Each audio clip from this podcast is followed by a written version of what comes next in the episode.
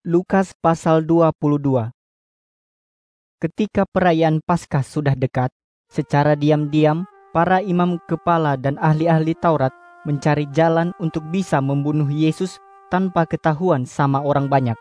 Mereka takut kepada orang banyak karena orang banyak yang senang kepada Yesus bisa langsung bertindak terhadap mereka. Lalu iblis menguasai hati Yudas yang dari kampung Kariot, yaitu salah satu dari kedua belas murid Yesus. Karena itu, dia menemui imam-imam kepala dan para kepala pengawal rumah Allah untuk membicarakan tentang bagaimana caranya menyerahkan Yesus kepada mereka. Mereka senang sekali mendengarkan hal itu, lalu mereka sepakat untuk memberikan sejumlah uang kepadanya. Yudas pun setuju dan mencari kesempatan yang baik untuk menyerahkan Yesus kepada mereka tanpa diketahui oleh orang banyak. Lalu tibalah hari pertama dalam perayaan Paskah, yaitu hari di mana semua domba Paskah dipotong. Maka Yesus menyuruh Petrus dan Yohanes serta berkata, Pergilah dan siapkanlah makanan untuk perjamuan Paskah bagi kita. Dan mereka pun bertanya, Di manakah Bapa mau kami menyiapkannya? Jawab Yesus, Begitu kalian memasuki Yerusalem, kalian akan bertemu dengan seorang budak laki-laki yang membawa kendi berisi air. Ikutilah dia sampai ke rumah yang dia masuki. Lalu katakanlah kepada pemilik rumah itu, Bapak, guru kami menanyakan kepada Bapak, di manakah tempatnya aku dan murid-muridku makan makanan Paskah? Lalu orang itu akan menunjukkan satu ruangan besar di lantai atas yang sudah lengkap dengan meja dan perabot lain. Di situlah kalian siapkan makanan untuk perjamuan Paskah bagi kita. Maka Petrus dan Yohanes pergi ke Yerusalem, dan mereka mendapati tepat seperti yang sudah dikatakan Yesus kepada mereka. Lalu mereka menyiapkan makanan Paskah di situ. Ketika tiba waktunya, Yesus dan para muridnya, yang juga disebut para rasulnya, duduk bersama untuk merayakan perjamuan Paskah.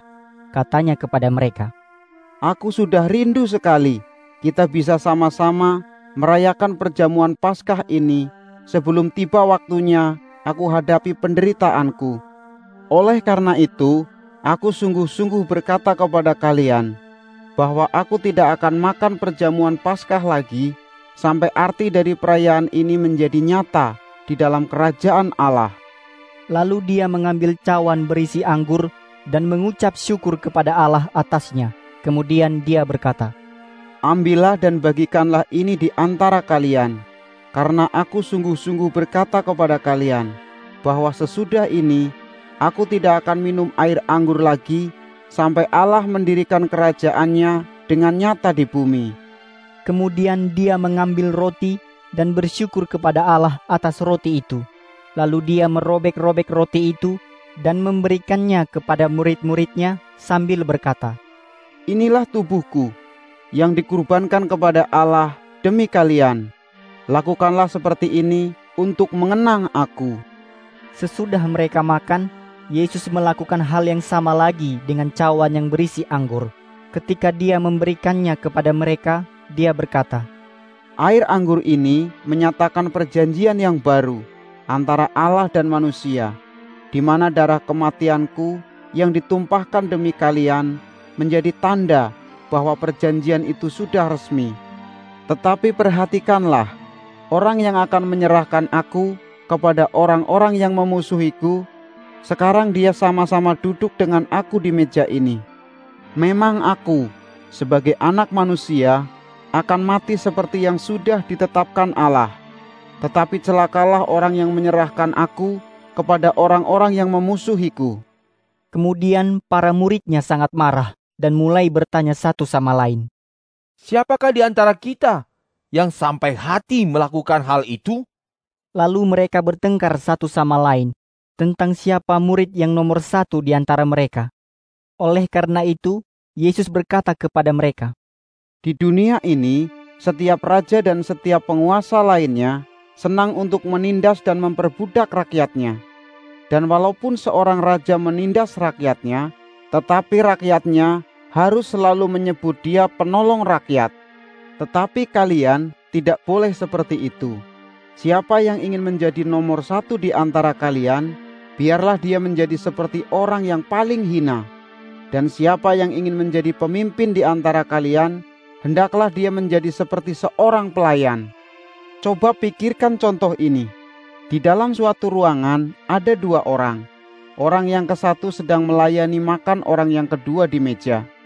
Dari antara mereka berdua, siapa yang lebih penting? Yang duduk di meja bukan? Tetapi ingatlah teladanku di antara kalian. Aku berbuat segala sesuatu seperti pelayan.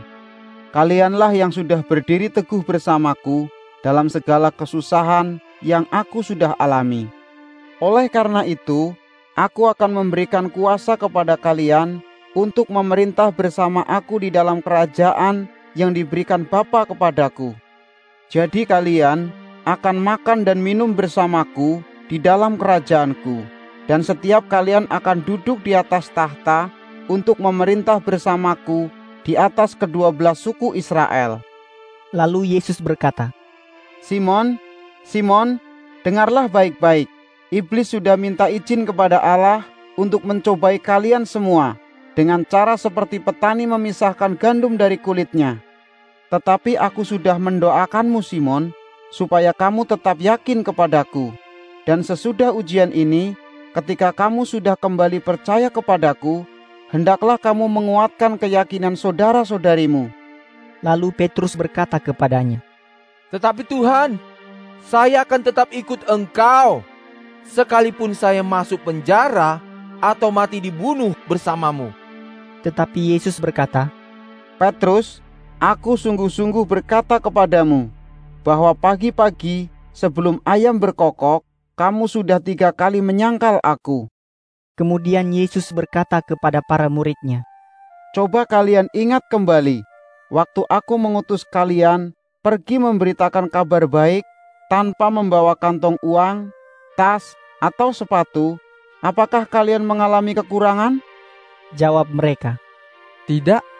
Lalu dia berkata kepada mereka, Tetapi sekarang kalau kalian masing-masing mempunyai kantong uang atau tas, hendaklah kamu membawanya.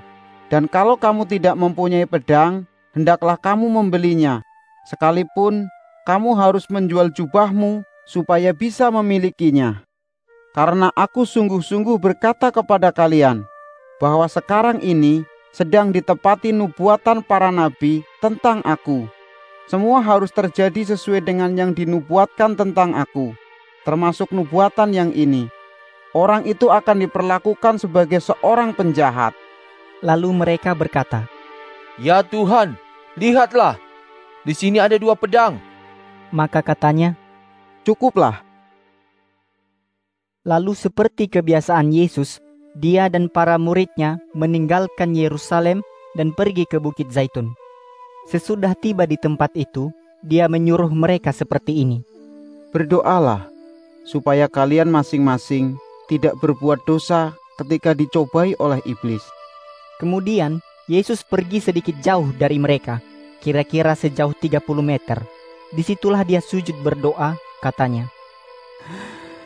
Ya Bapa, aku mohon, kalau Bapa mau, janganlah biarkan aku menjalani penderitaan ini tetapi janganlah terjadi menurut kehendakku, melainkan kehendakmu sajalah yang jadi. Lalu malaikat menampakkan dirinya kepada Yesus dan menguatkannya supaya dia bisa menghadapi penderitaan yang segera akan dialaminya. Karena beratnya penderitaan itu, Yesus makin bersungguh-sungguh berdoa sampai keringatnya seperti titik-titik darah yang menetes ke tanah. Sesudah selesai berdoa, dia berdiri dan kembali kepada para muridnya dan mendapati mereka sedang tidur. Mereka sangat sedih sehingga sulit tahan kantuk. Lalu katanya kepada mereka, Kenapa kalian tidur? Bangunlah dan berdoalah supaya kalian masing-masing tidak berbuat dosa ketika dicobai oleh iblis. Waktu Yesus masih berbicara, datanglah orang banyak dan Yudas, salah satu dari kedua belas muridnya, berjalan di depan mereka sebagai penunjuk jalan. dia mendekati Yesus lalu memeluknya. Tetapi kata Yesus kepadanya, Yudas, kenapa kamu mengkhianati aku dengan pelukanmu? Ketika para murid yang lain melihat apa yang sedang terjadi, mereka berkata, Tuhan, kami siap melawan mereka dengan pedang. Lalu salah satu dari murid-murid itu menyerang budak imam agung dengan pedang. Tetapi dia hanya berhasil memotong telinga kanannya sampai putus. Tetapi Yesus berkata, Hentikan! Lalu Yesus menjamah telinga orang itu dan menyembuhkannya. Kemudian Yesus berkata kepada imam-imam kepala, para kepala pengawal rumah Allah, dan para pemimpin orang Yahudi yang datang untuk menangkapnya. Kalian pikir aku ini orang jahat kah? Sehingga kalian harus membawa pedang dan tongkat kayu ke sini? Padahal setiap hari aku berada di antara kalian di teras rumah Allah. Kenapa kalian tidak berani menangkap aku di situ? Tetapi memang waktu yang gelap ini cocok bagi kalian, karena kalian menjalankan kemauan para penguasa kegelapan. Sesudah mereka menangkap Yesus, lalu mereka mengantarkannya ke rumah Imam Agung, sedangkan Petrus mengikuti mereka dari jauh. Orang-orang sudah menyalakan api di tengah-tengah halaman rumah itu, dan mereka duduk menghangatkan badan di sekelilingnya. Maka Petrus juga duduk di situ di antara mereka. Seorang pembantu perempuan melihat Petrus duduk dekat api. Dia memandangi Petrus lalu berkata, Orang ini juga pengikut Yesus. Tetapi Petrus menyangkalnya, katanya, Ibu, saya tidak kenal orang itu. Tidak lama kemudian, seorang laki-laki melihat Petrus dan berkata, Kamu juga pengikut orang itu. Tetapi Petrus berkata, Bukan, Pak. Kira-kira satu jam kemudian, seorang yang lain berkata dengan yakin, Sungguh, orang ini adalah pengikut Yesus, karena dia juga orang Galilea. Tetapi Petrus berkata, Pak, saya tidak mengerti maksud Bapak. Saat itu juga, ketika dia masih berbicara, ayam pun berkokok. Lalu Tuhan Yesus berbalik memandang Petrus, maka teringatlah dia tentang apa yang dikatakan Tuhan kepadanya. Pagi-pagi sebelum ayam berkokok, kamu sudah menyangkal aku tiga kali. Lalu Petrus keluar dari halaman rumah itu dan menangis dengan sangat sedih. Lalu para pengawal rumah Allah yang menahan Yesus mempermainkan dia dengan mengejek dan memukul dia. Mereka menutup mukanya dengan kain, lalu berulang-ulang berkata, Kalau kamu betul-betul nabi, katakanlah siapa yang memukulmu. Dan masih banyak lagi kata-kata yang mereka ucapkan untuk mencaci maki dia. Pada pagi harinya, berkumpullah para anggota mahkamah agama, termasuk para pemimpin Yahudi, imam-imam kepala, dan para ahli Taurat. Lalu Yesus dibawa menghadap mereka. Mereka berkata, Katakan kepada kami, apakah betul kamu ini Kristus? Lalu jawab Yesus, Kalau aku berkata bahwa aku adalah Kristus, kalian tidak akan percaya. Begitu juga kalau aku bertanya sesuatu kepada kalian, kalian juga tidak akan menjawab aku. Tetapi tidak lama lagi, anak manusia, yaitu aku, akan duduk di tempat yang paling terhormat di samping Allah yang Maha Kuasa, yaitu di sebelah kanannya. Lalu mereka semua berkata, Kalau begitu, kamu ini benar anak Allah? Jawab Yesus kepada mereka, Demikianlah, seperti yang kalian katakan. Kemudian mereka semua berkata, Kita tidak perlu mencari saksi yang lain lagi, karena dia sendiri yang sudah mengakuinya barusan, dan kita sendiri langsung mendengarnya.